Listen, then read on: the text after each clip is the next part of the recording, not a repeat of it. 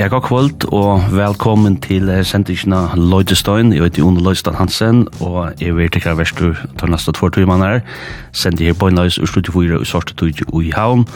Og som det ble også nevnt, halva vekna av en Sendikjen byrja, så er jeg ikke ansammadel. Jeg har en samverst ved meg, og til er Elenborg Polstøtter. God kvöld og velkommen, Elenborg.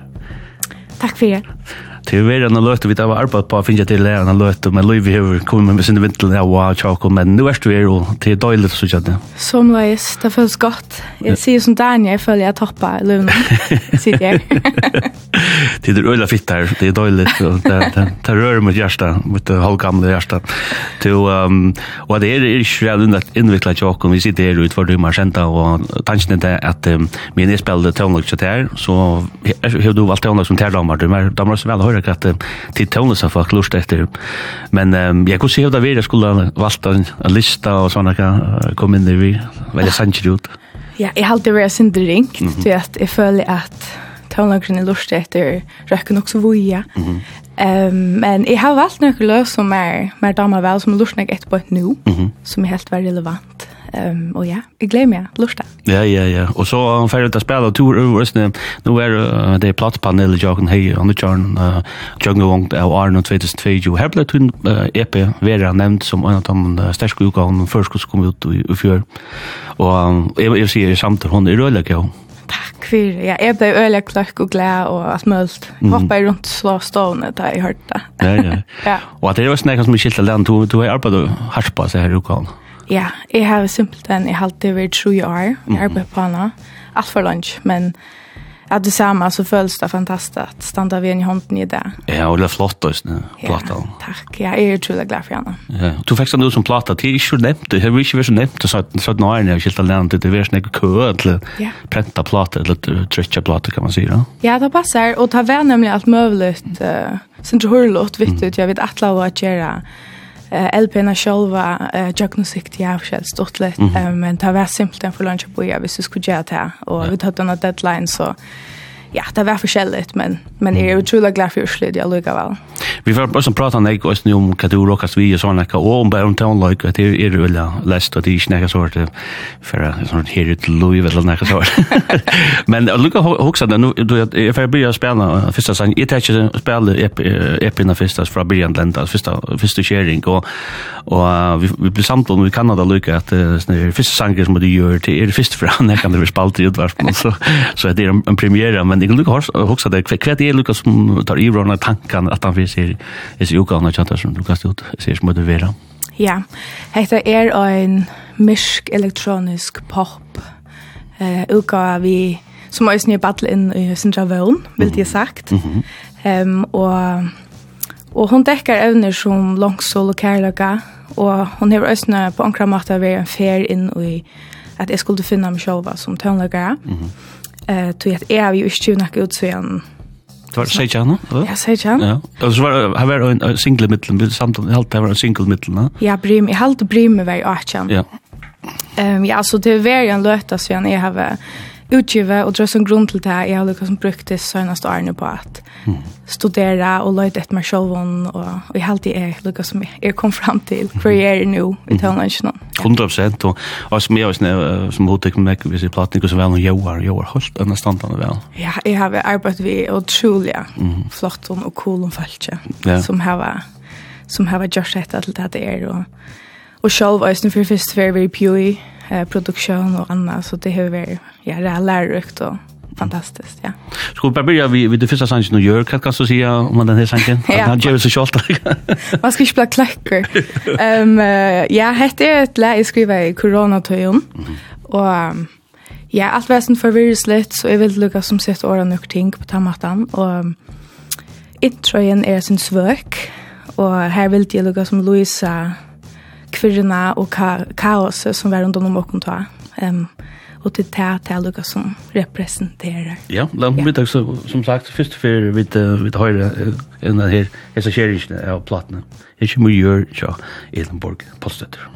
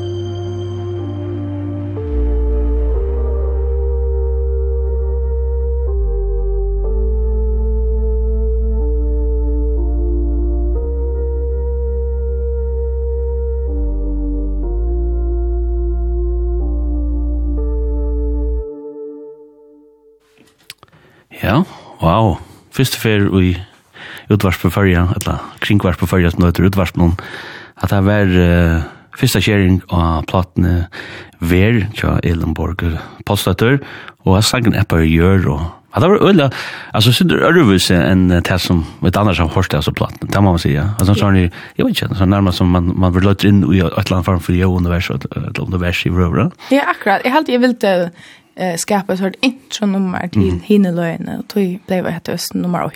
Mm. Alltså lä nummer 8, ja. Och så nästan väldigt instrumentalt då. Akkurat. Länka intro, länka outro.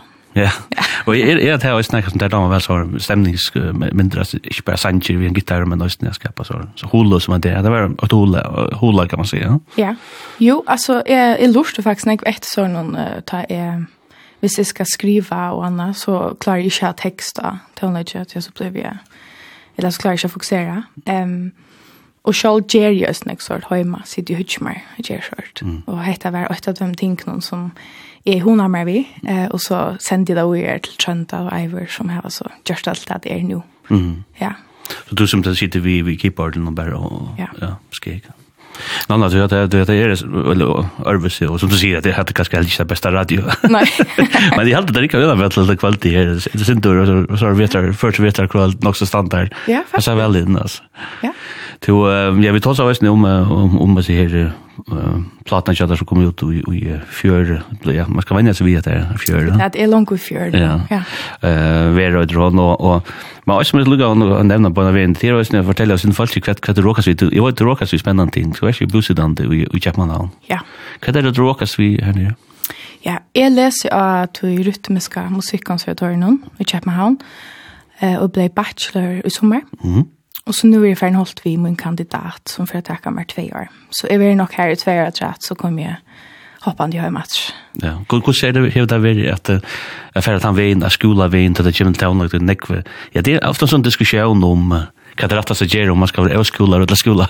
ja. ja, altså, jeg halte jeg, jeg rønte bare at søkje inn. Jeg prøver jeg etnene og jeg slapp inn, og det var rett og slett størst, en større løte for meg til at jeg vant det faktisk ikke å slippe inn. Um, og jeg er jo der helt utrolig glad for gjør det, og for at jeg fikk mulighetene å komme inn til at jeg har utviklet meg, og jeg har lært, og jeg har aldri blitt til den jeg er der, på grunn av skolen. Mm. Jeg vet ikke, du lærer, hva lærer man det sørste? Hva er det som man gjør det? Ja, det er, det er øyelig flutt, um, og jeg, altså fra det jeg også slipper man nok snakke for å bestemme hva en VM man ikke er ferdig. Og jeg brukte... Uh, Alltså här tror jag nu på att få undervisning i Sanche. Eh och så ösni att framlägga tonlik. Så jag brukar näkva tog vi Ableton och sitter jag rent framlägga och alltså hämta en ukan i ösni ett produkt. Ja, och att det är Georgia tror jag nu. Mhm fast så uppgåvor till att göra sanger och att göra framlösliga. Hur gång det fyra? Ja, att man får att skola några uppgåvor, imiska uppgåvor och det är man skriver som är sin sös. Man kanske inte alla så brukar snacka. Jag har nästan stort lite lite kända. Ehm och det är för att pröva imiska ting eller? Det är det och öst att det här att lojta lukka som kvar man atlasar. Och så tar du skalt upp i rönt och så sort examen så spelar du en konsert för dem.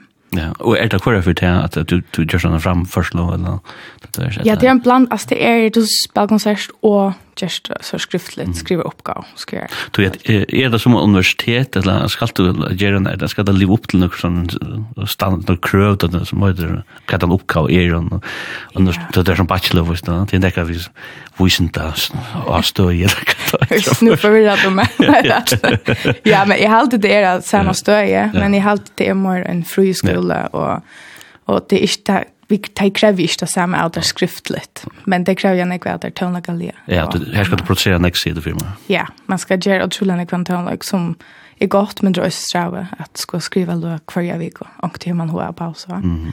Men men det är bara gott här till kusar. Det ger väl lust kan man säga en central disciplin alltså skrivdisciplin. Ja.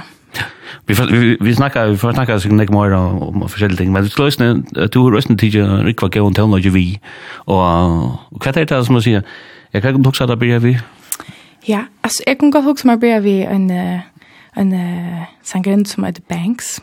Dålig. Ja, hon är cool och en av mina undus artisten.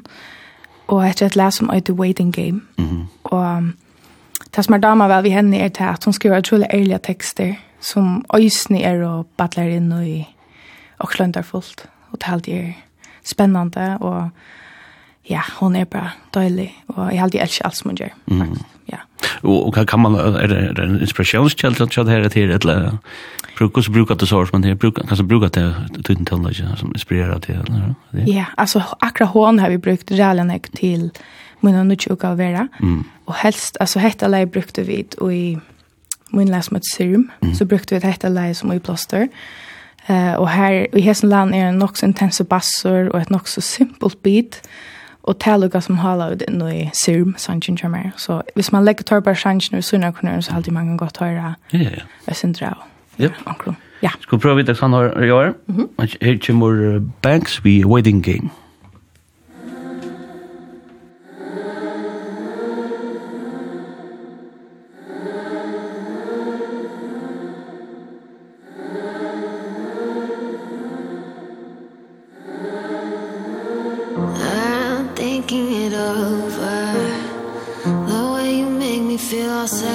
it's causing me shame. I wanna lean on your shoulder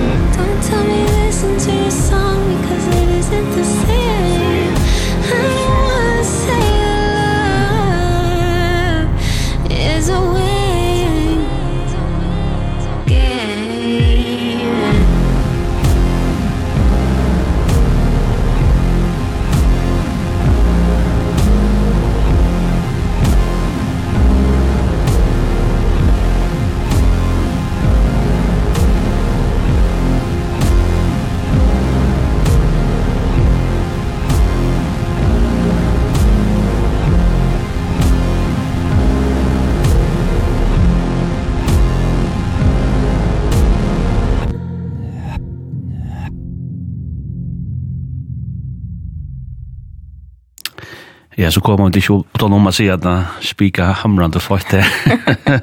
Waiting Game kallas det sånn her sangen her, og det var amerikanska Banks som framførte. Mm. Og sangen for å finne henne er sterk uka av, jeg halte noe til gratis fra 2014 tja, det her fyrtjøtt år gamle amerikanske damene i Kalifornia. Og en nødvendig sterske tøllneste kvinna, og jeg minnes også at Greta Svabba Beck, da hun var i sendingen, tja, man tar spalt til henne også. Jeg vet ikke om det er akkurat sanger, men spalt til gossier Beck, så det er ikke lengt fra det var Waiting Game også. Ja. Føyte sanger. Føyte sanger. Og du sier firmer at tid er bottlas vi okkur til Greta og... Ja, vi tar forskjellig til luftene. Vi tar tør ikke se for nek, men vi, vi uh, gjør kanskje en sang. Godt, ja. så her er sam samband. ja. Men er det, er, er det nekka som du bruker nekka til vi er samstavar vi folk? Er det, hvordan ser vi du det ved det? Det er nekka er røyne at arbeid på. men, men da man vel arbeid folk til at det kommer til framløslo, mm. da får jeg alltid hjelp. Eh, men ta det kommer til å skriva sanger, så er jo øyelig tvör och ska sitta ensam ett vittu. Eh och jag hade östet ut att jag mars lunch att utgöra ting till sitta allt för lunch vi en läge och ehm men det näka att det kanske nu nyttja lyfta att vi bättre arbeta som gör och skriva lov ju. Man ser att det är kanske en sort blessing in disguise att det är bara en film och kan vara man så det är gott att man är tvör och man när en kör och man vet kan man vill vitt men man kan inte köra fast något ja. Absolut. Og jeg og Lia Kampmann, vi bor studerer faktisk sammen av konservatøren. Og vi tar sånn nemlig om at han ene dagen at kanskje for at skrive også sammen, eller hun kunne hjelpe meg ved omkring leie. Og det er kanskje at det første stiget. Det er det skrek, og hun blir jo ikke året alltid, ja? Og ja, ja så en flottivere. Ja, hun blir kandidaten her på en gang, ja ordentlig, ordentlig godt. Og um, ja, vi sitter her og sender bønner til studio 4 og sånt. Jeg glemte pura nevnt at, at vi tar oss sms-kibene som heter 2240. Hvis folk har sendt den altså, så kunne de sende inn uh, en sms på 2240. Og, og koma vi, ja, vi er nødvendig halsan et langt etter hotellet, og nå skal vi til sendingsna, vi sitter her, Elenborg, Polstatur og Eon Lutsen Hansen, og senda bøgnøys. Um, jeg også får spela den her, den kjente seg sannsyn av ja, Høydesleir, han er røysene, han er ekspaltor røysene her, yeah. men til røysene var skildet, at det er en øyelig, øyelig gøy sangur, det som jeg, hotek med Østene, han er ikke så vel han gjør. Ja, takk. Etter kan jeg si også om han jo, Arjen. Ja. Endelig. Ordentlig. Uh, ja, til at dette leie er jeg tuller gå i, til at jeg har framlagt det samme vi en bølge som heter Heia Sakait. Okay. Og, det er spalte av sommerfestivalen. 2016. Fantastisk konsert. Ja, det var nemlig her jeg hørte det og fant takk hvor det var, og jeg ble så forelsket ut av dem, og Og konta vi kontakta det i samband vi hette Lei, og det var vi på det, og jeg er slik kom ut den, mm. til at det var så størst for meg. Eh, og ja, de er det lukka som grunn til at leie ble til at det er. Um, Hvordan gong så for seg? Ja, det var jo i Zoom, ja. det er nødja. Um, så vi tatt en fund i Zoom, og det er lurt av etter munnen dem, og, og hatt forskjellige huskott og så pratet vi og så er det nok också att fram via mail og sånt. Altså, du har en grunn, et eller annet, akkurat du har. Ja. Og, og, og så går går så så bröts där att det är det är til at du har ett litet näck bröst går så. Ja, alltså besläkt. Alltså ever men men alltså vibe är det ja. Så det har du lika som kvann vi är i yngst jag färra. Och det är ofta det är det jag med någon demon till att liksom vi så hette jo kom gjør och tända vägen. Ja. Eh och så gjorde det hatta. Och I would try how is nu är sen till nu där ja. Det var ölen ölen sant och ska alltså säga att den session som Heisa Kites spalt av sommarfestivalen är mitten av det topp 5 jammer för den kan det. Och när hon var helt helt under standard gå. Och sen drops det är nu ska jag köra över den klassiska men där vi ska vara runt allt att det var klax så det där. Det var sån där att man ska att gena och det liksom så jag också. Ja, det hade vi genialt haft. Ja. Och det var ju något att spela men det är ju inte barbera i nu. Snack vidare efter. Er det tvei, halte jeg? Halte jeg er, og det er halte jeg tror tre. Er tror jeg. Men det er for at du mannen ikke alltid blir brøtt og sitte nu. Ja. Nu har vi bare for Ragnar, som er Norge og Ragnar Jakobsen. Ja. Så, så det er vi her, det er fantastisk. Det er ordentlig født, og det er også en akkurat gjerne utgave ut som heter Mother og jeg, er, og i fjør. Ja. og hun er gøy, og er større fjepper av Tøymons. Det var en større løte for meg at Jeg slipper arbeid sammen til hjemme. Ja, skulle du høre hvordan det spalte ja? Yes. Ja.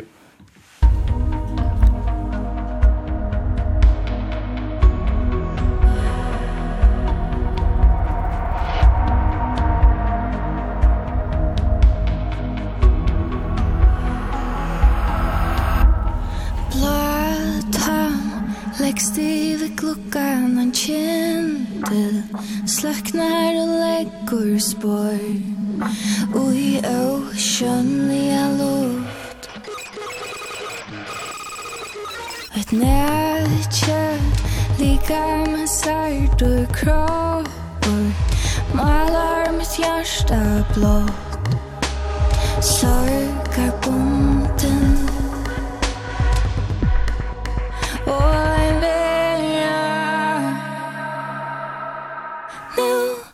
myrka blå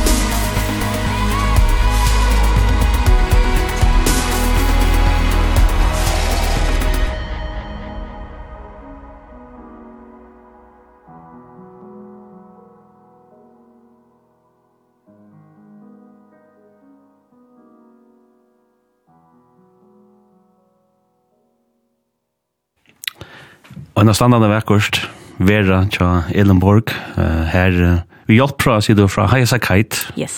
Uh, som hadde vært hjelp vi å skrive sannsyn og framlagt, uh, men framlagt den selv, var det var det også videre framlagt? Jeg skriver i sangen, ja. ensamhet, og så hadde jeg framlagt. Ok, så det har kommet. Så alt det er i torra, ja. Ok. Øyla, øyla, øyla, Gott samstånd från det. Det måste bli så rätt. Ja, absolut. Tog mig väl. Och det är nog också folk kunna kunna kunna samstånd vi som vi snackar om och med sangrekord att att det är intryck av så det är jävla känt i norra. Ja. Ja. Ja, jag har alltid tej alltså Nu vet jag inte om det passar, men det som vi tar om var att de har sin egna container, vissar, och sin egna paddel, mm det gjør et størst show hos vi hver fyrt spil i Norra. Um, og det var helt skjønt da det var uh, sommerfestivalen, det minste scenen show, det var flott, og så vi gjør sånn sånn. Ja, det var nemlig et gigastørst opplevelse, mm. og det i halvt det leveret at det spiller, det gjør et rævlig godt show. Ja. Og du sjálv veisne for alt det var jeg vet ikke, kan man søtja, vet ikke, ja sosiale milen og du var konsert for ikke, midt med en i skolan. Ja. Jeg fortalte jo at jeg fikk skjeld fra skolen. Jag huxar mycket til det till det var ikke en sånn helt stort tror det du varst du varst man sier, kallar man det upphitting eller support. Ja, jeg var support for för siste min ever. Ja. Vi var verkar en måned, og Och spalt konserter på 60 der, og det var Alltså jag alltid det är det bästa upplevelsen man lever här till. Ja. Och det kan man känna ut till. Det kan man känna ut till och skolan själv där med mig för att lucka väl. Och vid är blivit vinner åter kan jag helst säga. Skol skolan. Är skolan. Ja. Och ja, är det bara så ändligt tacksam för mm. allt som är upplevde samma vi Ivor och henne har följt här. Det var allt fattigt som som hon tänker att skolan kan börja sen det tar gott alltså. Ja, ta ta allt just. Som tänker mamma tack framåt. Ja. Ja. Men kan inte ge ut det här för ut så när vi på andra måte å være support altså ehm ja kan inte ge ut sånn sån sån uppkommande där man kan man hva kallar det uppkommande namn ja. Ja. Alltså till ju men jag är alltså jag føler at jeg blir en bedre, en bedre gitarspiller til dømes, og sanger ikke at tog at man blir nødt til å spille kvønta og så lenge tog ja. Og samstundes har vi lært lukka som hva lov vi handlar om, at vi er vekk på andre måten, og funnet til at det tog mye vel, mm. og nekka er at mer at lukka som kjempe motor at kunne gjøre selv. Og ja, så er det også bare en så fantastisk opplevelse at jeg lærer av Taimon som man er av konsertfer sammen vi, altså mm. Iver og Henrik Bøltje, altså de, jeg har alltid lærte meg og endelig enn jeg ting, men vi var vekk, og ta, ja, det er jeg takksam for. Mm. Nej, ja. Och men lyssna, vad är det som det krävs för för livet att leva? Vad är det jag bjöd kan vi det är det film eller kan stått lite vad det är ganska sånt. Ja, vi har det. Alltså det är skönt stort lite men det är ösnä och skulle jag hade jag fann inte att gustra där var för en kom hem. Du man är lika som nog så hej att att du och ran gick igång till mer man är väck och så man kommer hem finner man där och att det var att han också näck. Ehm men Kan vara spurningar. Ja, det är som man kunde jag jag sa det då i era så mer det är att skratta så skratta fort vet du man skratta som du säger. Jag blir ingenjör som du säger att det är det är en hardt arbete. Harsh arbete och neckhiring eh och för en som mer är testdrive till att det blir bilshow. Oh fuck. Ja. Så är det tog rallyan när kvar. Eh jag kan säga att showarsta blir det. Eh men men ja och vi kallade det ett neck för att vi om dagen. Eh. Kvar för oss det det er så det. Ja. jeg er nok vanlig det. Jeg var ikke ordentlig. Vi var rått i Europa. Du, du gjør det ikke der, hello Stockholm, så var det ikke København. Nei. Jeg finner ikke at sporingen er annet, og jeg er så vanlig. Jeg var jo der i Frankrike, og på Holland, og forskjellig, men ja. jeg tror ikke nevne boende. Nei. Det gjør ikke. Och det är det simpelt att du färdar till den och du packar ut och packar ner spelare och det är klara spelare packar ner kojor alltså Ja, det cirka så just det fungerar. Så har man några godlöter samman som man lyckas som, ja. Färma flotta och kanske några fri fri i mitten där man kan hitta sig runt där bara slappa av. Ja, alltså ta färman. Vi akkurat till hesa konsertfärden hade vi det sjuranik fri. Ehm men vi tar tog när vi tog fri brukte vi gott och samman och hötta stått lite, ja. Ja. Men du säger att du tror att Vad är det som du tömmer det? Ja, alltså jag har alltid jag fann det här tungt att jag inte prövade på hand om att han fyr. Mm. Att det långsta jag har varit väck. Eh, och jag har alltid grunden till jag fann det här tungt är att jag hejdar bra, Och tror det gott om jag var väck. Och ja, jag trivdes väl ute. Mm. Ja, och jag blev sån chatta för hem. Ja, nämligen. ja. Till go, till en go up ending kan man säga. Ja, akkurat. Ja, det är spännande och Vi skulle sjón spela ställa vi kan jag följde vi vi på kunna snacka om neck. Ja. Men uh, du nämnde ju annat att du spelade höjdslä att när uh, Nucho Plato uh, Vero att det var Heisa Kajs som har framlagt av Sanje Fyrde. Og um, du har røst tidligere TV her. Ja, det har vi. Jeg tidligere lærte dem som øyder My Name is Liar. Og det er øyder meg noen under sangen. Jeg halte det er cool og ja, vilt. Mhm. Mm Vad damer där så väl vi akkurat vi hejsa kajt, vad det det gör rätt? Ja, jag har alltid det är um, altså framlösnar så där ja. som er som fänga med jag och så. Eh och där var det ju en dream om arbetsam vid dem. Eh og annars løy nok så att lögn det ju ut har vi er diska. Jag har alltid det här ett las här i huset. Ja, det var så mycket. Och öla fotsangar inte sån helt speciell. Ja, hon Ingrid ja. Ötland, ja, hon ja. Ja. Ska vi prøve å spela den der? Ja. Her kommer My Name is Liar, tja, Hayasakite. Thank you.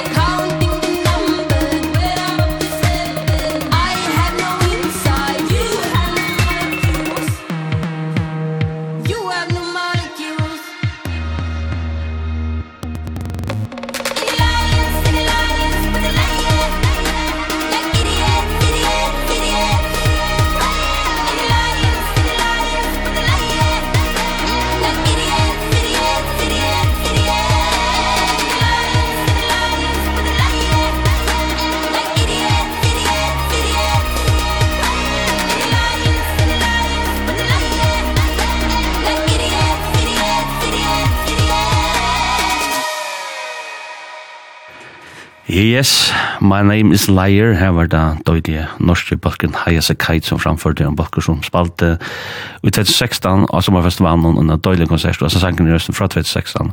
Minnes du ikke som platan det som du gav ut? Jeg glemte. Jeg skriver da nye minna,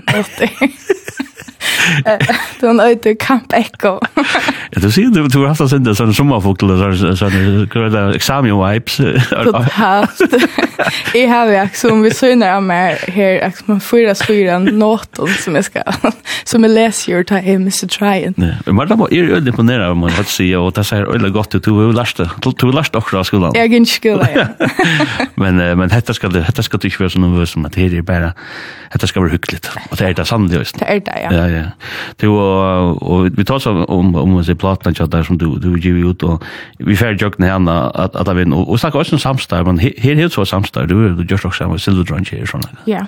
Hur går det går det omkvar för ju alltså är det näck i bitte mer in eller är det öle gott omkvar med den näck för unga tills mer och är det Dania och tid och Miranda och silver drunk. Är det viskar som det är sort omkvar på nu, eller? Ja, alltså det är helt det är fantastiskt omkvar, öle skikt och dåligt och alla dessa eldsalnar, Dania och Marianna, alltså det är fantastiskt, alltså det här är ju totalt till att man, man följer sig att man är gån honom. Ja, det är simpelthen ar arbete innanför tandparsten att ja. Ja, och det har var hjälpt mig och trodde han inte så vi vinner uka så vera och vi är nekv inne i vår. Ja. Allt, ja det gjør det ska vara runt det som man säger. Ofta hade vi också ett skilt at du har haft uh, haft tonlager for seg, og så alt det hinparten har haft part ikke, ja men men men uh, det måste också ganska då sen tror jag att det skulle säga det där viska som tonlager har fått ting ut og såna. Ja, altså, jeg har alltid alltid det at jeg har platt för att vänta sig till og helst ösna uh, tortel til at jeg de, de fevner om det at du kommer vi omkron. Uh, og det gjør det også vi med at jeg sier, hei, jeg vil en platt ut. Så mm. sa det yes, kom, nå det gongt. Uh, så det er øyelig dølt. Og Alltså omkvarve i føren, altså tøvnløkka omkvarve er redd Och så vi ser det silvertrønns någon att man bara kan skrive et langt och säga hej, hur du har att, hur du har att hänga ut och skriva en sang, uh, och så sier de, ja, kom. Och det er det jeg gör det vi om. Ja. ja. Och det är inte långt där. Vi där fick ju där fick peppar. Så det vatten var kom ner. Jag från Jönnesen så förryckte Jönnesen. Vi någon button. Någon fit button. Ja, fit button. Ja. Så ehm ja, det är nämligen det är nämligen som att säga att det är inte vi en sån liten där med att känna att man kan hålla i. Ja. Alltså och och det det är stort från tankar till handling. Det ska inte du ska inte jökna när det nej. Det är ja, den nøyba nøyba. Ja, og jeg skriver i serum, altså jeg skriver i en tekst, og sendte han så vi er til Trikva, og spurte om han er i hod til at skriva et attersvær ja. til teksten, og ta tumt han vel, og så ble det til et her. jag jeg kan altså säga om at det hvordan kan det fyrir seg til Ja, jeg, jeg kontakta i simpelthen Trikva, ja. og spurte om han er i hod til et her, og ta tumt han vel, og han skriver så några feta sättningar. Ja. Han dör helt helt att skulle jag väl skriva. Är det så så gång rätt fram till teckna kan det för sen hur hur ser det? Ja, alltså jag kan i helt kan tolkas i mest men är är har Du gick skola där hem. Det här. Men är helt det är en kärleksanker. så för mina sjö och så hever Tryggve skrivet attsvär til det som jeg forteller. Skig. Ja. Og hette det jeg tog seg om fyrre kvöld, at det er eh inspirerad av Banks mm -hmm. och har sån land om vi hört oss med Waiting Game. Ja. Basseren. Jag ska prova det här jag. Yes. Det kommer se. Vi morgon roa tiande Ein titt no kjent Vera i mjuk og kvirra Drøymande inte Kom du viss godt Høy med vår så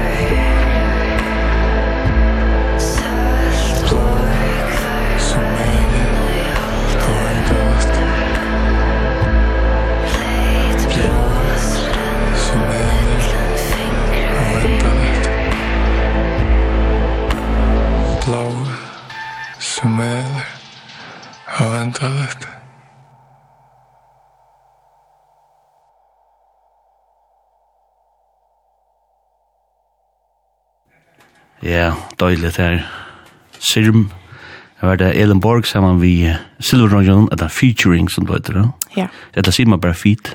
feat. Ja, det er det. Jeg halte er, feat er stitt, ikke? Ja, featuring Silver og av platene Vera, eller Vera, og Ellen Borg som kom ut i 2022 en att det dåligt det var lekkert der og du nevnte nemlig at det var sammanfatt mellan Banks og og att sen så Banks tog spalt och där det var inspiration men men det er pura pura legitimt att göra så skal man gjøre det. Ja det gjør vi døysen som gjør utvarp og sånn, at man, man, man lortar seg og tek ting og sånn. Akkurat, man blir jo inspireret av entreprenører, mm. Ja, jo, jeg sa akkurat nå, jeg sett akkurat hukte en video på YouTube, vi, at de kjenner Paul McCartney og Ferry Blackboard kom fra, og de klassiske stitcher og sånn, ikke?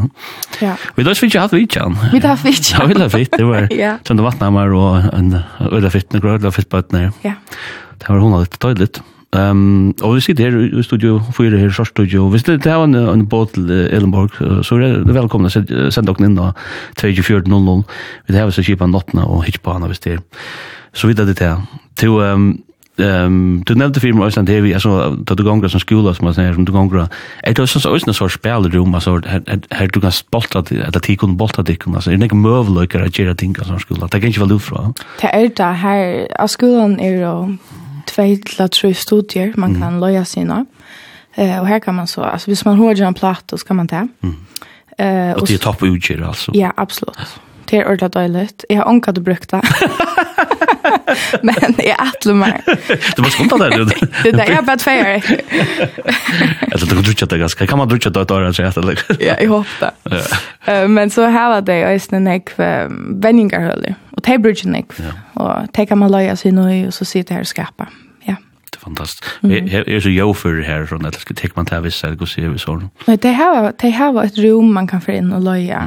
Det har alltid har et ett jag som er til. Ja, så får man inn her og och et eller annet. Det var som att öl stod till stäna vid. Ja, her här dåligt. Ja.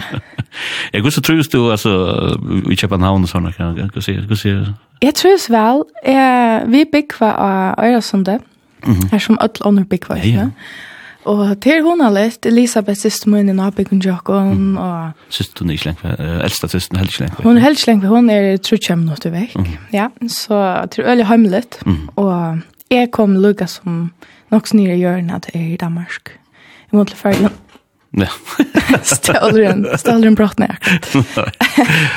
Og i måte fergen så er det øyelig nekva skrånne i atlet du, føles det som om. Um, Så drar jag stolt att vi är för men drar släck skratt. Ja, nei kväll lindla synte synte sätta sin nyr og at her vi som gettunne, to the första men men at det hever nekkar holdt, altså, for man man skal liksom oppleva det men at det hever nekkar fantastiska enlagar a vera vara her, og er sånt där här ute eller Köpenhamn altså, det er òsne en fantastisk bänätverk men òsne, som du sier, det jo ju gått till klöka och man trivs väl att seven down och höll över alltså kameran nu bor ju själv bofaskap någon som att lösa med danskar inte det fungerar för inte lärt mig kvärt men alltså det det hit det er døylig døylig psykologi og hun har det där. Ja, det er det. Ja, og och i halt vi trivs vel og tog mig ösna väl att flytta hem efter om några år. Ja, ja. Ja. Det ska allt. Ja, det ska allt. Det glädjer dock till. Ja. det är så viktigt att få dem på hem efter annars annars nytta det inte. Ja, nej, så gör inte mening. Ja. Men det är också något som du du du du du du du alla där lite hemma då. Ja, eh ja, om några år så halt jag är klar att det kan som komma hem och ja, finna ro. Ja, nemlig. ja. Men man tar seg også noe med det vi, hvordan man kan virke som tøvnagraføyene, for å få styrst, liksom, til, til omkvar, vet du, til, til mølagene, ja. Mm -hmm. At her selger vi loftbrygg og sånn, ikke, og alt det der. Akkurat, ja, nemlig, ja. Det er, det er alltid noe lykke nok som besværligt å gå, men det tar nærmere å sitte seg i en bil, sånn at man ringer og kører sjuk, og kører. Takk for sjørstabletter. Ja. Tar man tatt her på andre, ja. Ja, det passar. Det är, man har mer möjligheter att lyckas som färast. Alltså det är närmare, men, mm. men man har också möjligheter här och det är ordentligt. Mm ordentlig godt. Ja. Ja, og som sagt, vi det er fyrir spennende rikva til ånda, ikke fyrir tikkene rute som lortar, vann og dyr, og lortar, og ikke som skriver, jeg vet ikke hva skal teka det. Jeg gjør tid, skriver nå, akkurat til meg. Hva skal det gjøre, ikke? Jeg skal kanskje... Klappe tøye til. Ja, men du skulle refresh her. Nå, ok. Jeg gjør tid, akkur hever skrive. Det er flere som har skriver. Vi er følge mittla. Ja, så hun hadde lort etter og Elin Elenborg, jeg dyster til en epe, halsen en fan. No. Oh. Elenborg, Elenborg, du er utrolig malratta, hjertakø og øyelig stuttlig. Stuttlig da lusta og høyre at det sitter åra flott. Så. Åh, det er pent. Er, og er fløyre. Ok, ok. Eh, nu får jeg lykke spennende sang, så får jeg det som fløyre. Til, um, Vi er kommet til um, en, uh, en sangtur hatt vi gjør. Det er en islendiker, ikke det? Som heter Jonsi. Ja, hitt slugg med en åter. Jo, jo, det er lov. Det er en islendiker som heter Jonsi. Du fikk slags fire røykinger til å gjøre det godt. Det er det. Og han datt i å øle, jeg datt ikke av han, men jeg fann han øle spontant. Og det var alltid etter live en playlista. Uh, og Jeg halte at det er et av min undsløven løtene, tog jeg at da jeg hørte det før jeg gråta. Ja. Det er det beste. Det er det beste. Og det som er alltid veldig spennende vi har sånn til det at det er uslenskån, og jeg skiljer ikke alt som vi er skjønt om. Jeg har alltid ikke, jeg har sett, jeg har ikke sett mye hva det handler om. Um, men det har gjort gjørst at jeg har finnet mulighet at skapa mine egne mynter til tøvnøkken. Og det er alltid spennende, og jeg snakker i vøvnene at folk kunne gjøre min mm. som ikke skiljer først. Um, ja, det, det er vel samme, samme, vil si, translation, eller noe ja? Ja, akkurat, og jeg har alltid ta framløsla kan, altså, vet jeg også, mm. eller vet jeg også inn i det så er det et godt le. Um, ikke tror jeg at jeg legger ølen ikke i tekst hvis det skiljer men hvis det er et annet mål, så, så helt jeg at jeg lurte meg et framløsla, og tonelodge Ja, nej, men det, det är det samma som mer, men så, det säger du, det ganska först tonelodge, först från tonelodge, jo, och allt det här som, som ja. tilltalar, och det är lyrikren, eller hur? Akkurat. Och detta läge, som sagt, jag vet inte vad det handlar om, men för mig hävdar ett otroligt personligt, alltså det betyder inte för mig, till att jag sätter samband vid några ting, och ja, ta det sommar som aldrig kom av Oslandskon.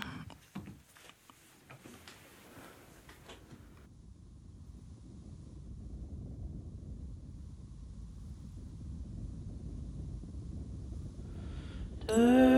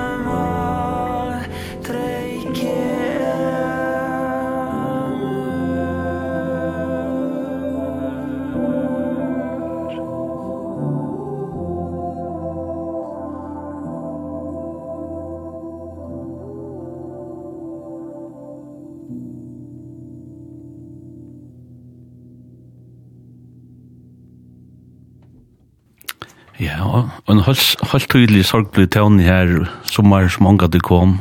Ja. Jeg vet ikke hva sier du, som aldri kom. Ja. og en døylig sanger som min samverste i sendingen Elenborg eh, postetter har valgt. Og den som framførte, han var ute i Jonsi, og ja, det er, de har sanger så, så kan de ikke komme over, den kan til er liksom åtta med en ui Sigurdøs, som, ja. som um, hever skriva den her sangen her, og han øytur Jon Thor Birgisson, eller Birgisson, men blir kallet bare for Jonsi. Han er tjej for år gammal, sånt, så ikke er, og hva er det sangen er finna, det er lukka hitja, kan snakka plater han jo der. Jeg halte hette fra Shivera. Shivera, ja. 20. Yes, 20. Ja. Men jeg visste faktisk ikke at han var sikker. Det er et døyligt i vrasjelse. Ja. Jeg fikk å vite. Ja. För att är er kämpefan av timenoisene. Ja. Och du och du har bara en dotter nu alltså en playlist där det Spotify eller vad vid. det? Ja, vi drar Spotify. Det är de måste som det alltså det är öliga bäge till du har playlistar som faktiskt är och du själv gör så man men så ger algoritmen där ger att playlistar för det. Jo för att du tänker du vill det är sant det det räcker väl rätt ofta. Det gör det man finner ofta en guldkod mitteln här och heter väl ett av dem ja som bara lätter Spotify arbeta vi är för du gör sån liten playlist så börjar han finna börjar för det finna sanction passa till det. Ja, akkurat. Jag finner man det gott. Ja, det var så. Och det är intressant och senderande. Men tar som med sangen kort så tar vi om att vi börjar ta oss in på det vi text och du du nu att det är isländsk och och vi skiljer inte allt isländsk om vi skiljer hur så det kan vara sagt men men jag tar sig du du Så där gymmer alltid med din först och så så finner du en textil men men du gör texten show men, men du har en speciella matta sig då att kreera texten och och stått livet, nu fortälja hur så hur så görs. Ja. Eh ja, jag skriver text text show och så plejer är att forma en kopp kaffe Og her var imisk ishinga sömn. Det kände jag bara någon men skriver så får jeg utblåster utför att vi och Jeg får alltid noe kjørsing sånn fra mamma min til at hun vet at lukka som til ta maten jeg skriver på. Eh, så det er lukka som mye metoder, og som oftast har vi er langt og kjørst et lære, da jeg gjør det. Og så lukka som spiller vi år og setninger og annet. Ja. Og du, du, du skriver bare akkurat vel bøk eller et eller annet som kanskje gjør det godt, og så prøver du å forme det til et eller annet. Ja. Nesten som en løyer. ja, faktisk. Og jeg, jeg synes ikke ofte eh jag var när flent och skulle lägga ett mer till att är är synge som om att är synge måla. Mhm. Och jag har ännu för konsertören om brukt det och sagt och sagt att det är sankor.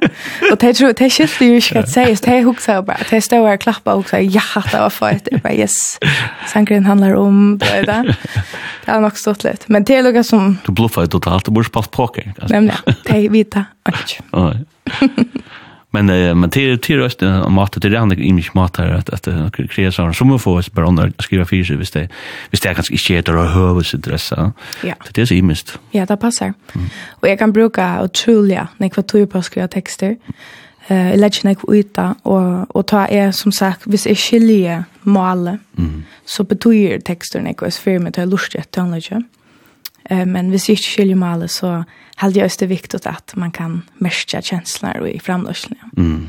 Og til at jeg skriver først kan tønløk, det betyr også nek for meg at de som ikke skiljer det, kunne merke et eller annet ut fra framløsene og tønløkene. Det kan si at folk er ute ut av dørsen, hva sier for det høyre tønløkene? Ja, altså det er, det er hever best vært positivt, mm. som jeg har hørt, um, og nek for at de må uh, sier også at de mesta, altså det som er uttrykket til dem, så hvis har spiller live av paddelen, så regner jeg at uttrycka hva det er i sin om. Mm. Um, og vi kvart forklarer jag ska lära handler om Arne Sinch da.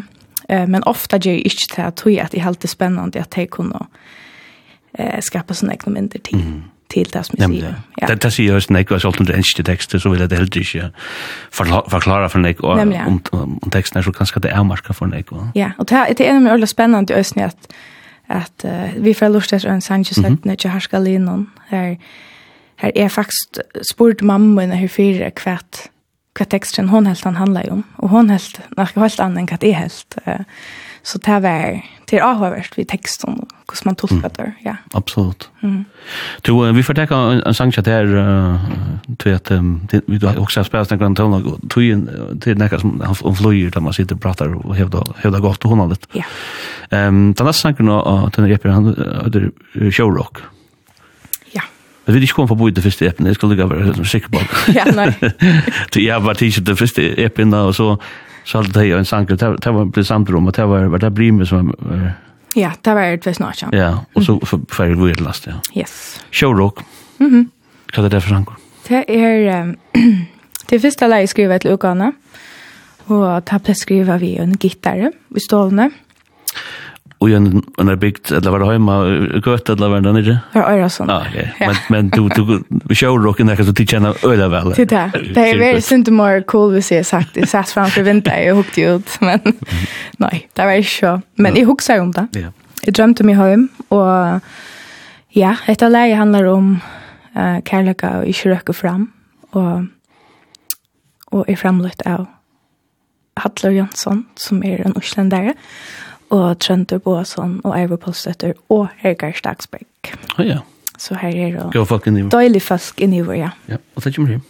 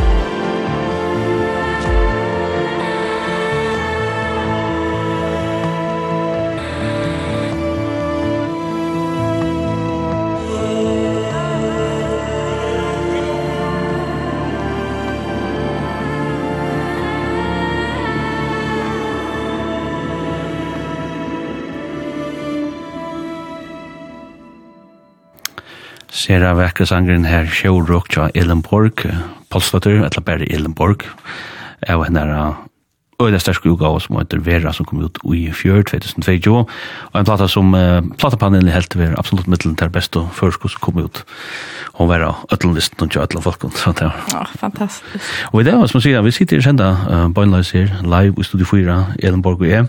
Og det här SMS skipan som er 24 008 och jag påstår och jag at det kommer inte at att jag inte refresh eller nåt. Det ble så kjent. Men her er flere jag og sms kom in här och skriver Hei Elenborg. jeg har lust att näka så näka efter tunnar nu flövo och hon är väl til hjelp, att jeg har hjälpt mig å gjøre kan ting. takk for det så spyr vi kommande första spela G-festivalen och jag är i hoppet. Ja, i hoppet då. Ja. Ja. Därför det det är rockna vitt. Boka med. Ja, självvant. Det är tills men tills som kommer cirkuset till det här och köra att det är allt. Det kommer vi till då. Det där vi vill sätta att i världen så. Ja, det det det är rockna vitt, det är rockna vitt. Ehm så skriver hon regissera av värsta lustan spännande tillgång till teknologin towards over Ellenborg skriver vi kommande. Mm. Takk for det. Så um, skriv egentlig inn, ta ikke 14.00, om det er veldig glad for det. Vi var sånn pressa i andre tanken jeg skriver inn, men det var mye feil. Det var ikke tid ikke at det reagerer. Man sitter med følelse på, man sitter ved tås ut og luft. Ja, det er ikke lurt det. Ikke lurt det. Ja, ja, du, um, vi tar oss om at her, vi, vi, um, vi platen og alt det her, og, og du, du røysten tidsi en rikvæk og en vi som, og gusset her, og vi platen, og jeg heldig ganske at det gonger lysen atter du hever nekkar, nekkar sånn her, nu er du banks, og nu kommer øyne her som du valgt her, som er øyla, øyla, gøy, spennende, og sterska damer, F, F, hun heter FKA Tweaks. Ja. Og hon er, kvar er for hon gjør rockstid, så er hon alltid av listan i, i det beste platen her. Så. Ja, er hun det? Alltid. Ja, hon, ja, hon er genial, jeg dyrker henne. Og hon er faktisk nok så nytt for, for elskelse for meg. Mm -hmm. uh, og alt det som fenger meg ved henne er det at hon er utrolig djørv i sin Eh Mm. Uh, og Og jeg har aldri sett noe så vekkert, men samtidig svagt. For hun er nok svørt, og på en rækkola måte. Mm og tjekka en tonløk og tjer øsne ræffa et video hvis ja. man hever hoa for at googla. Det er ikke som jeg legger mest til, altså, også det som vi snakka om i platbanen, og jøkning og ære testen, det er jo så er det forrige vær, og det er størst kvinner og ære. Nei, hvor kvinner kjøper ut, men også internasjonalt er øyla, nekker unge kvinner som er øyla framalige og sånn der. Jeg aldri gjør trend eller sånn der. Det er fantastisk, det er alltid ødelverden hur bruk for ja. mer kvinner. Absolutt. Ja, og her i Färjön halte jeg kvinner er og rævliga raskere standa sammen, og mm -hmm. her i Østene, altså, og endelig enn hva kvinner som gjør at gå og tåleg. Ja. ja. Og det er, som sagt, altså, nekva platen, det kommer ikke nekva ut som det gjør det fyrir ganske, men, mm. men det er sånne kvinner og nekva dem. Ja. Og ja, du også FK1 Twix, jeg tror også jeg spiller sang her, som heter... Ja, han heter Two Weeks. Ja. Og ja, jeg har alltid hatt det første leie i Hard to China. Mm og kommer fra ukan, i halvtid hun kom ut 2014. Ja, skal nok, jeg skal kjekke det. Og øyder LP8, vet jeg, gosser, ja.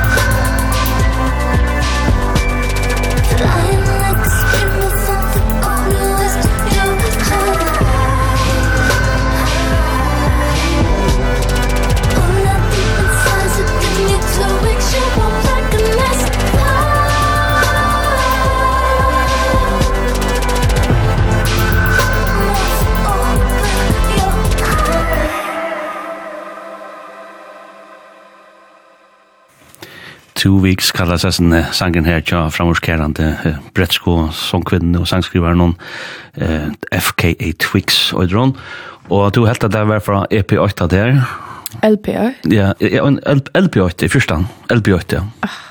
Det tredje fyrstan, sangen her. Og en, en, en, en Nekvon, som, Nekvon sterskun, uh, brettskun, uh, sangvinnen som er framme, og sangskrivaren, Little Sims, Ryan, og, og Og jeg vet mer om Øla Vestmander, Arlo, Ar Arlo Parks.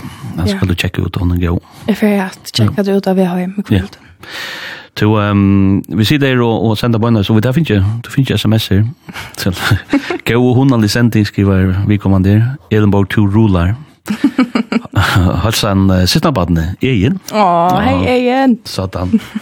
Shout out til Egen. Och skrevs ner om att det var om Beyoncé och Janne Sommar som aldrig kom. Ja. Ja, så passade det nog att det här var samma vevlar i Östland som i Färg. Vi vi hoppas att det blir det blir det blir gott sommar. Jag hade vi ta bruk för det. Uff, Ja. Jag hade inte det här vet ni inte vill lucka ringa som tanne fjör.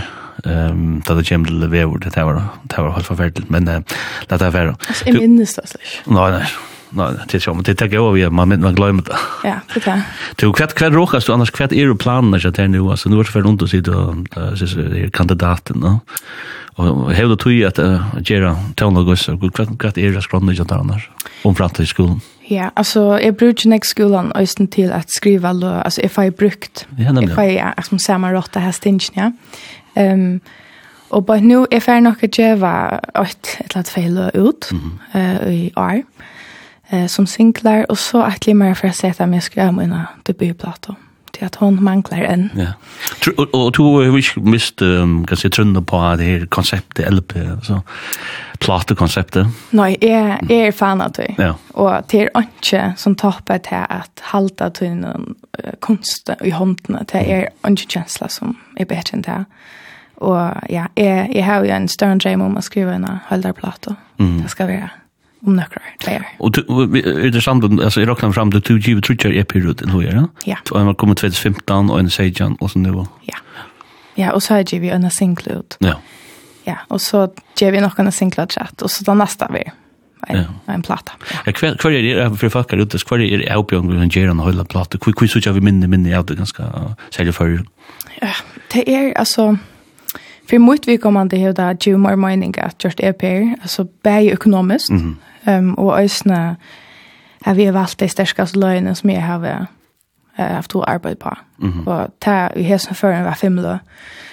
Um, og det er ønsken løgene at det er hardt arbeid at skulle gjøre en platt, og det ligger nek vatten for det. Um, så på en måte kanskje det er nærmere at jeg var singler og er period. Um, men jeg har alltid ödlinsja att ge en platt ut till att det är det är det cool ting att att ha var så någon resumé. Mm. Ja. ja, absolut alltså. Men så du ser ju resten här alltså det som jag menar jag tror så vi tajt ofta om det lassen te är och det vi att resten här utväljningsprocesser att man nästan är kritisk och att man ger sig alltså han snackar om han snackar alltid om det han ska gå såna första plåt ut där han jag vet man skriver 300 400 sanger och god bruka 12 eller vad det är för en blad att du att du ich bei jeder fest ut best ut men att du östne som du sier her, du har valgt en ekka sanger som du har helt vært det da.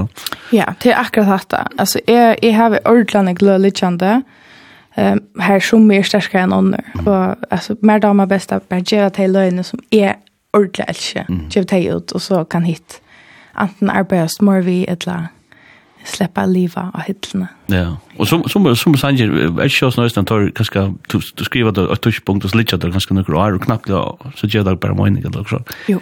Absolut. Och det var nämligen just när alltså Lysirm, mm -hmm. som jag att skriva, han är bara li och lunch. Och så valde jag att tacka det av hittning och arbetsmorgon på det. Och så där vi att är de till det väl.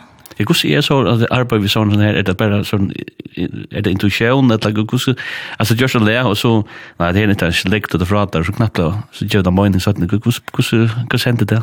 Ja, altså, jeg halte det er, det er nok snakk en kjensla ja. man sitter vi, altså, man gjør okkur, så anten sitter man med kjenslen, heter det sjukaste nærkene det gjørs. Ja, og hon kan rinna nok så kjøtt er, va? Ja, man blir ræv kjøtt trett, rett og sjå. Eller, eller som hvis man, hvis man ikke lykkes skrive for the final countdown, da blir vi bare hittet til det. ja, jeg har nemlig at det här problemet, jeg blir øyelig kött trött att det er Ja. Och neglo är er sikkert ordlaget, men är husker usett strev jeg lort etter.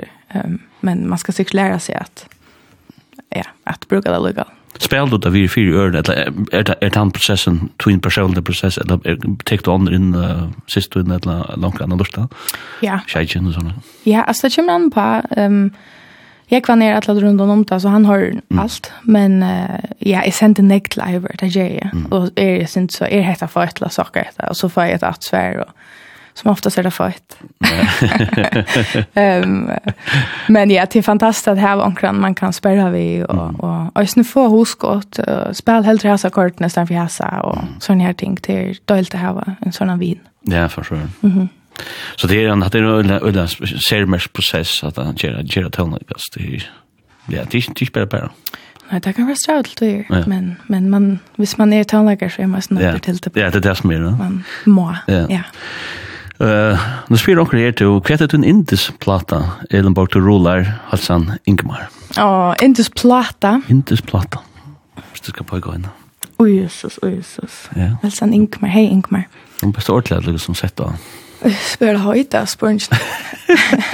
Jeg heldig det er ringt av velje ja. til at det er så nekvar. Um, hvis jeg skal velge øynene på et nå, her og nå, så ja. må jeg nok si hei, så kajt. Ja. Hun øyder mother ja. og kom ut i fjøret henne må jeg få lusta mer etter. Ja, henne har vi lusta etter. Rævlig Ja. ja. Motor. Og um, jeg skriver omkring her, avverst av lusta og høyre til Donalia Malrata i Elenborg. Vi har høyre til Sanden under sommer. Å, takk. Yes. Så um, ja, og vi til, som sagt, vi skulle spela tøvnlag, vi kom til Vøvnmoen. Ja. Hva er det her for fire en sang? Vøvnmoen er sørste lei i ukene, mm -hmm. og det er en kærløksanger. Mm De sier at jeg ikke skriver så post, og sånn, jeg heter post det om at jeg er forelsket. Jeg heter finnes til skottisk skottiske ekkonen. Øyne for. Jeg fikk her for å vite skrive for en sorg, men... Var det var det ommelder som sier det? Nå, jeg halte det var bare onker fotstronker, men...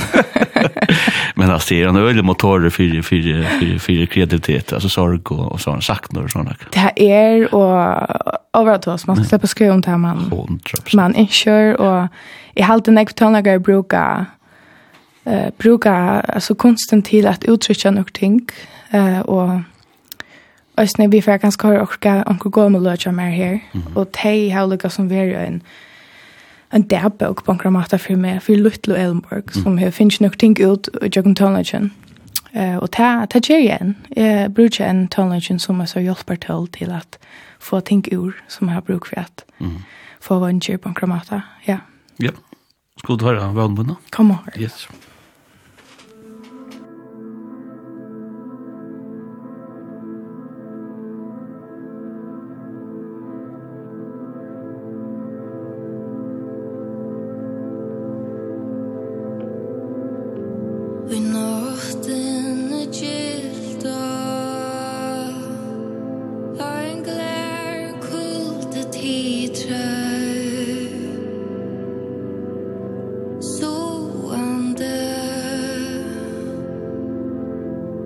stray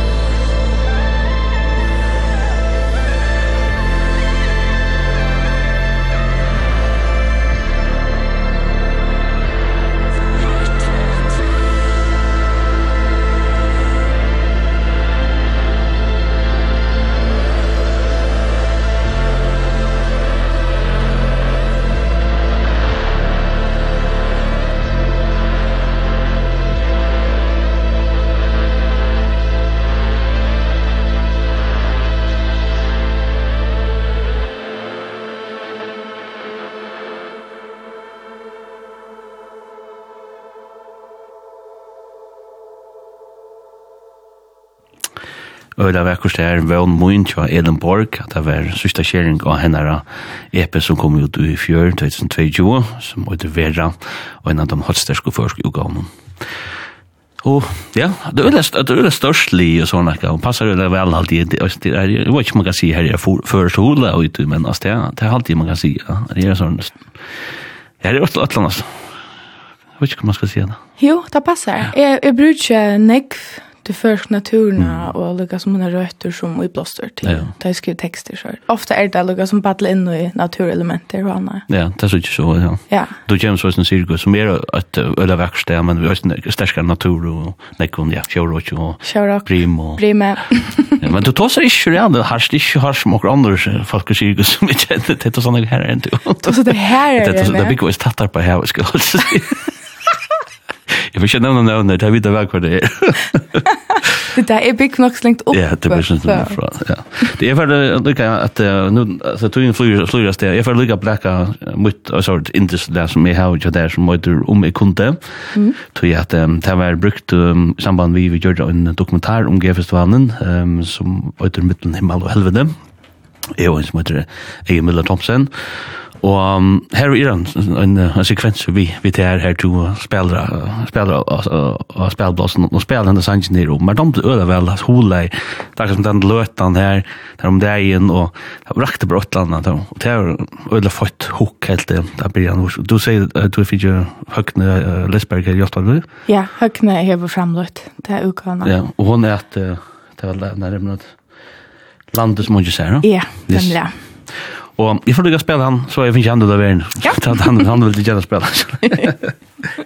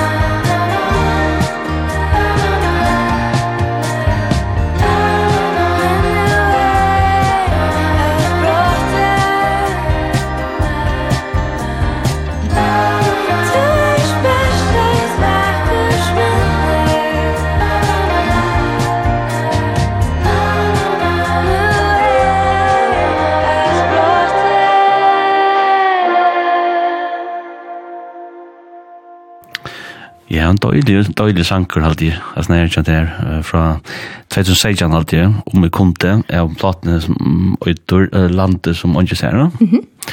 Og du sier, det er sånn så til å høre seg sjåan etter det, at man har noen år siden. Ja, så til å høre, altså, hvordan man bærer med seg, og hvordan rødden har brøtt seg, faktisk, ja. Mm. Nej, det det händer att tiden att känna vid oss smartboys i branschen som är ju det. Ja. Som man får att installa mer än fem år gammal så är det bara.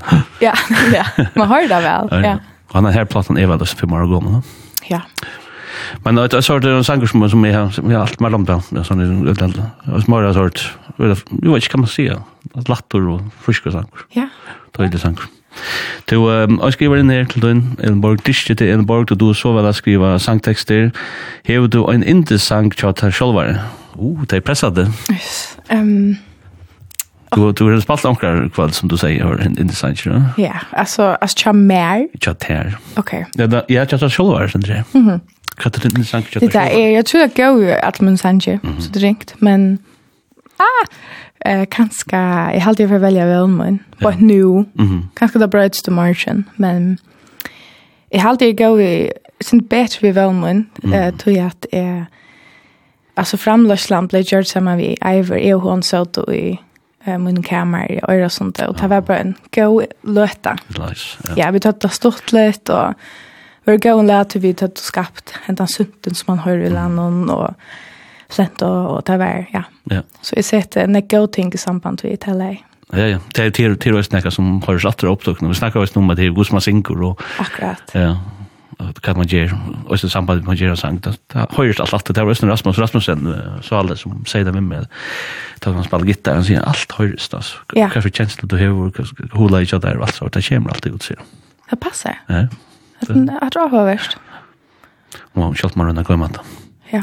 Ehm ja, vi det som sagt tog ju den runda kom ner och vi det var nu för att spela en sangstur efter vi vi där här. Vi kom till London Grammar och då i nu. Ja, men då man tar och tulle väl och jag har en dröm om att släppa höra det live. Jag har kört det än. Eh och ja, jag har varit ordet för älska och i Det en platna chat där man som äter. Ja, så får vi det något. Jag lurar look över här. If you wait. Och här är det väl ösna läge chat som heter Hey Now som är nok åtta av dem kända slön chat dem. Eh och tror jag att lägga lust att efter men det som lust mer efter nu är wasting my young years och Ja, det har sett några tankar i igång om man kanske ska njuta ungdomen mer man har den. Mm. Absolut. Ja. Mm.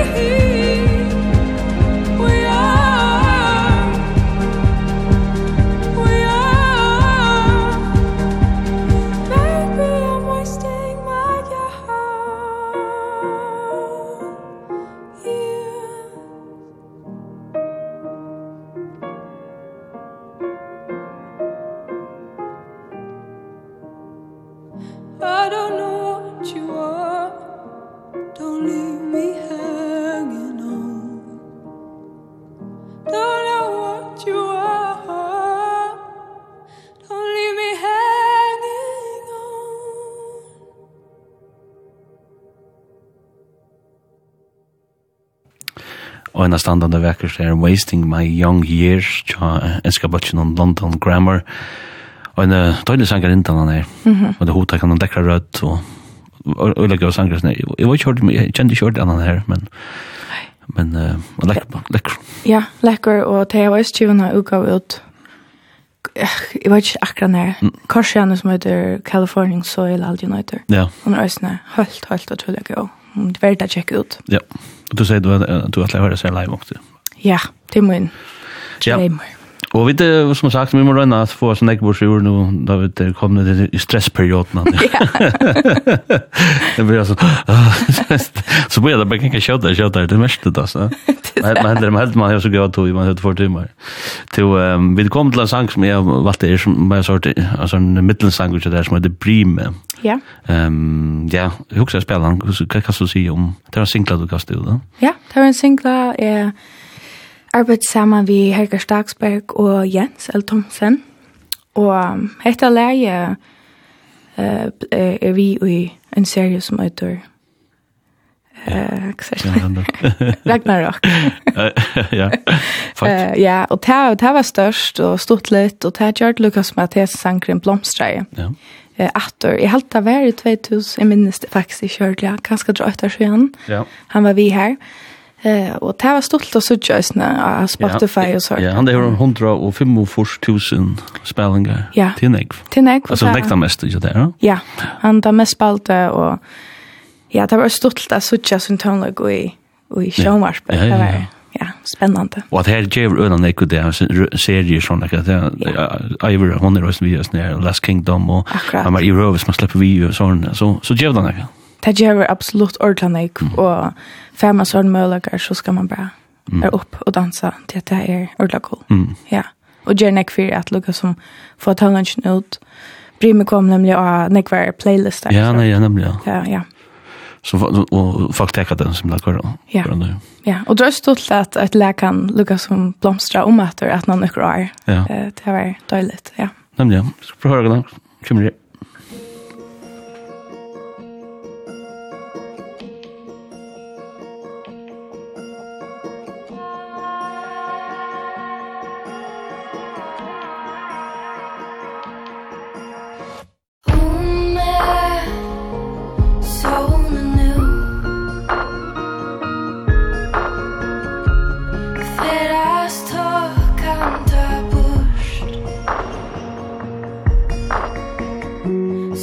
She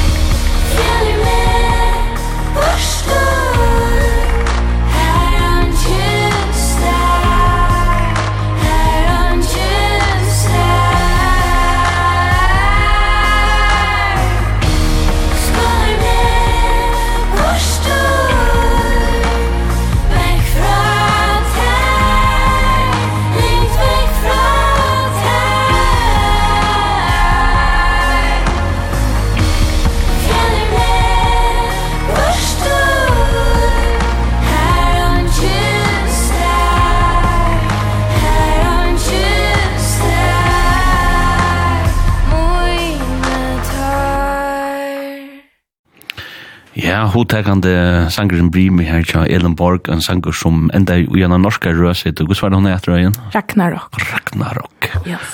Og jeg tenker også sangen Ordelift, sier du, og ser man av Spotify-høsene. Ta med spalt sangeren tja der. Ja. Yeah och men nästan för sank du var switcha till fuck ibland hot inte är sån här gott nylägga där hot chair Ja, akkurat. Och du säger att det var ganska det som sätter igång det i mot till nutrition som där kom till det. Ja, det var något som det första sinter elektroniska då ett vibe som är för nu. Mer pop up på en ja. Ja. Ja, og noen lakker man den andre sjåken. Jeg vet ikke hva sier hvordan det rundt en veri da, prøvdøkken. Ja, enda prøvdøkken, jeg håper jeg får gøy gøy til. Flying color, som man sier en sekund. Ja. Hva sier man, OK plus? Ja, nemlig. Pøl opp. Pøl opp. Du, vi nevnte et et første orkester, du nevnte som du, som du varst hodet ikke ned, og jeg, du er ganske tekstnik, han han var jo om, det var sangren Kjøharska Linon som heter Dråpen. Ja. Ja. Så jag skulle spela det. Nu har du shout out. Jag kvätter det att damer väl visst nu sen.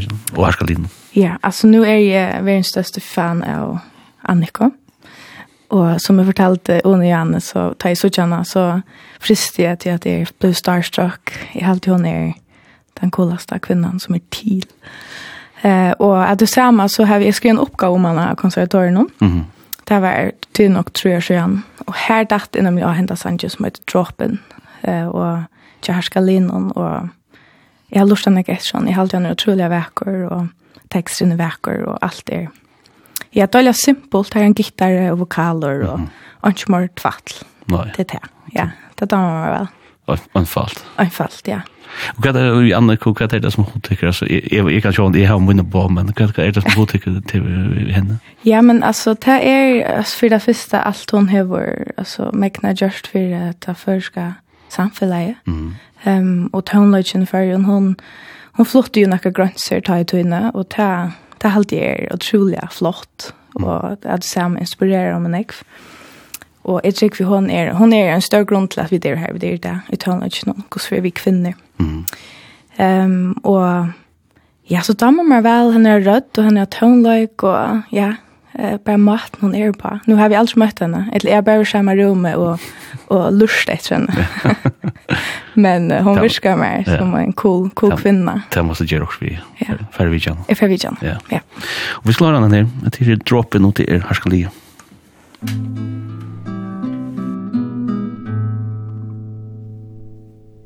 Tåka lossna regn i sommarloj Rasta enne muinun fyste dråpe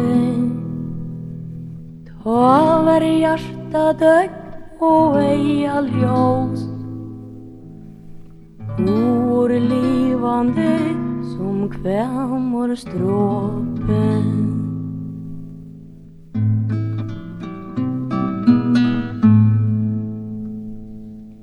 Luite rymdar tekin rant og blengt Lostad bil ur vansens veltes håndom Og lai og i gjørnun hev og loft. Virte det og loi og amoin hon strondom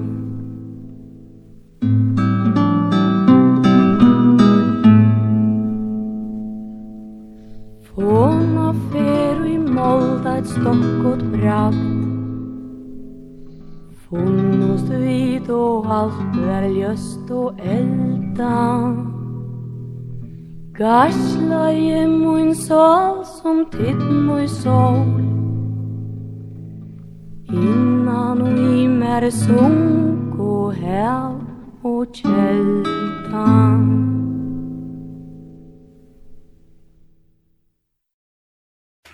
Og en av standarde vekker sangen her Droppen Kjærskadin og en institusjon i førskom tøvna Kjærskali og ikke minst også, ja, Annika som er en støtna. Ja. Ja, hva sier klokkan? Ja, vi nå har två til at og, og vi vokser spela en kjater her som uh, Øyde Dreymor. Mm. Og at her er en, en, en, han er vel også nærvast her landet som åndes. Han fra Spår. Han fra Spår? Ja. Fra 15, 2015? Ja, det var første leie jeg gav ut som... Ja, hva går den vars da? Så jeg skal ikke avdugge for nek, men... Nei, jeg... Hva du vil? Du er ung. Jeg er ung. Jeg var ikke. Nei. Jeg er ikke 2016... 15 15 halv procent. Ja. Vi tar och vi måste räkna. Vi måste räkna det. Det blir sig 20 eller så. Den inga där 20. Nej, jag är nick kring. Jag helt shake kort kort som gång. Jag helt jag är 16. Du är 16. Ja. Det er det. Har vi det? Ja. Ursäkta Ja, du, Ja. Ok. Hvis Vi da skal ska ut som att si. Ja, du vill. Her om går för 15 16 Ja. Ja. Ja, og... ja, altså, hette är det Jeg har alltid hette läge handler om det första hjärta sorgen i hej. Og... Ja, det er... Ja. Det er hardt. Det er øyelig hardt. det glömmer man inte. Det är bättre kom ner det. Ja, men det tycker jag lätt. Ja. Ja, men ja, det handlar bara om att du vet, röna finna av en människa, men man då kör det finna av. Nej. Mhm.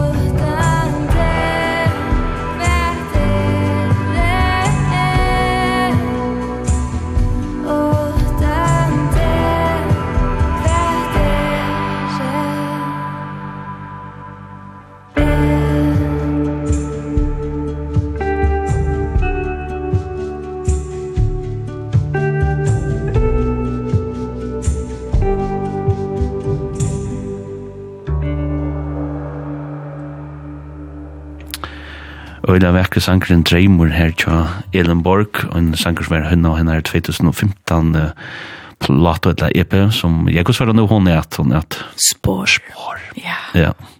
Og ja en en en sang med next spalter der der er at jeg har stannet gudar Vi er kommet noe som med endan ned og for at jeg vi får snu ikke noen lydsenter inn i inn i den nasta til bare tøvnlag som ligger etter noe her. Så gjør vi pysja skundokna stemmen for at rundt runda vel av her og jeg går se det vil det vil vi lydstøyen. Ja, men det er fantastisk. Jeg har hun og meg og finnes godt kaffe og turst alt det døylig å prate av hvis det er. Takk for det. Det er godt. Ja, det er, jeg, jeg kjenner, sitter samma till över öde hon litt, og, og jeg var just nu og, og man sier, hun det kan ni höra det fortälja hur så kan det råkast vi og hvordan du sørst på tingene, ja. Og så var det bare hur hva du hva du lösa det selv til halvtiden, til Det dammar mer oss jeg väl. Ja, jeg halte det. Det ska vara. Det kan ju vara från det som att ska sitta fortälja kan då stan. Ja. Då språk ska fota och skriva och nörn och. Ja. Det ja, det är alltid ösn alltid det har värst att höra kan onnorlustigt. Mm. Tog ju hända sen den genial. Ja, tack för det. Ja. Men men det är nog stort så att du sen nästa sangen till vart till att nu är du seriös och du är du är som borden nærmast til G, altså det G konger ikke. Ivor var vidla, det som sitter gongt alt det her vi klikket i sånn tog. Ja. Og det er en balk som heter Amazon, og det har, det har faktisk spalt av G. Ja. Og det, ja. Det visste du ikke. Nei, jeg er kjent til at jeg elsker deg, og jeg vet totalt av G da. Og, men ok, in my defense. Jeg har alltid ikke kjent til deg, det var det 16. Ja, det var også den her omkring. Ja, men åh, Kjelt. Men det kan jag kan lucka det att Lea Kampan här samma hon hon valde ösna sang till jag där sett det hon visste inte att det spalta ge. Men det är aldrig ösna jag stitch jag ge att man kan för att du skrona och finna och att tar spalta eller ta spalta. Nämligen. Ja, okej, men alltså vi ser vi det så här färre. Mm. Och i have finche høyren at lort dette. Mm. Det var veka, jeg halte det var fyra år, jeg og systrene kommer før. Mm. Og det var en utrolig god konsert. Ja og... Veker lekst det av konsert. Her er, ja, ordentlig, ordentlig døyligt. Og ta eh, lort av dette, tar jeg plat og Galaxy One, alltid nå der. Ja. Og ta var nemlig hette lei og Marry Me Just For Fun. Mm -hmm. Og det er døylige peppa, og man bygger hun lei, og hon har vært sånne utrolig døylige rødt. Ja, holdt hun standa. Ja, hun kjeler det litt, synes Ja ja, så... Jeg, jeg lukker det løsende vi konsertene gav var sinde ut, minnes det, det var inte for sent og kveld, folk var blitt nesten ganske sinde for, for fotlå eller sånne, men då jeg tar av musikk i øl, ja, som du sier, er nok så sofistikerer og nok så ja. ja. Det passer. Lekker popper. Ja, man skal gosver ikke larma for nek, no, ja. ja. Og ja, skal vi høre akkurat til, ja, så kommer mm. Lugin og, og takker for jokken. Yes.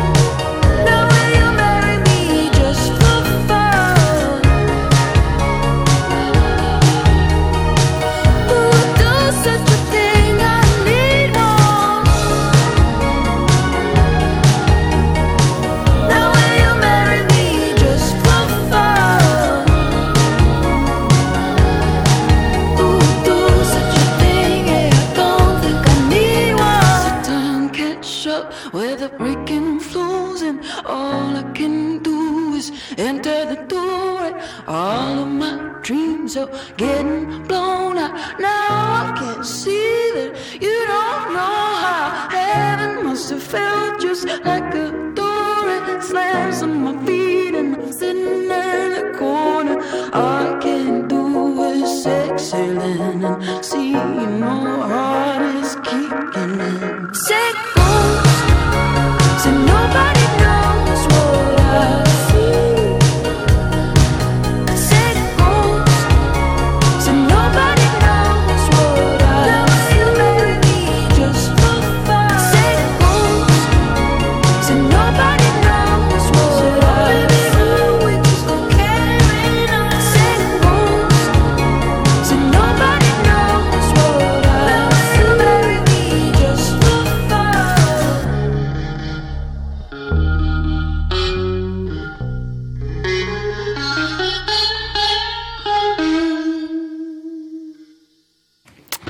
fight en till. Opp, jag körde det. Jag körde det. Marry me just for fun. I don't die the sanger cha svenska batchen on Amazon och sanger som vi samverster vi sänder ju Lotland i kväll. Elenborg Passator har valt och en som som är nämnde för det. Så en darling kallas som bakgrund jag nekon tonlagar. Nekon som pojk on abatchen här. Ja. Och ja, det svenska poppet är allra bäst och allt. Absolut, ja. Vill du gå om den då? Elenborg? Nej. Ja men du bara ska komma åter. Du du kommer åter. Jag kommer att. Du kommer åter. Till 100%. Ja. Heter hugg. Ja. Och tack för jag glädjer mig till. Och tack för att du tunde tack att du tog det.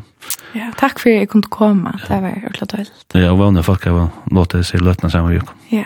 Jag alltid det ofta det så föll så att det föll gott här så så föll det jämnt ut. har gott vibe ut här var rätt ljus. Ja, vet jag tror kort folk nalla. Jag slapp välja ljus där kom in. Välja lite ner och det finns ju finns ju folk nalla. Ja. Ja. Du og så för insänd där liksom allt det bästa vis ni nu kör nu vi att du ska allt rockas vi bei vi Leicester och vi Tolna gym och glöm att höra mer från där. Tack för det. Och och så är det bara sitt tiden visst det också. Det suger mig också så. Det gym nu gym Tolna så. Tack ska nog. Du är den första skrivet. Ja. Godt å gjøre det. Og vi får kjønne oss at um, sender så sender hun var sendt oss ned høstdagen, mitt til 8 drøy, så det er folk som ikke har årstande til hun var dårstad å ta. Og som røysen lagt ut av heimasynet, jeg sender ikke med kvf.net for framskak Lloydstein. Og hun kommer også ned Spotify, uh. så man kan høre den her og de østene, og som podcast. Cool. Og um, til det, Ingeborg, takk for det, og Thomas, jeg var da veldig godt. Og takk for det du dømte å komme.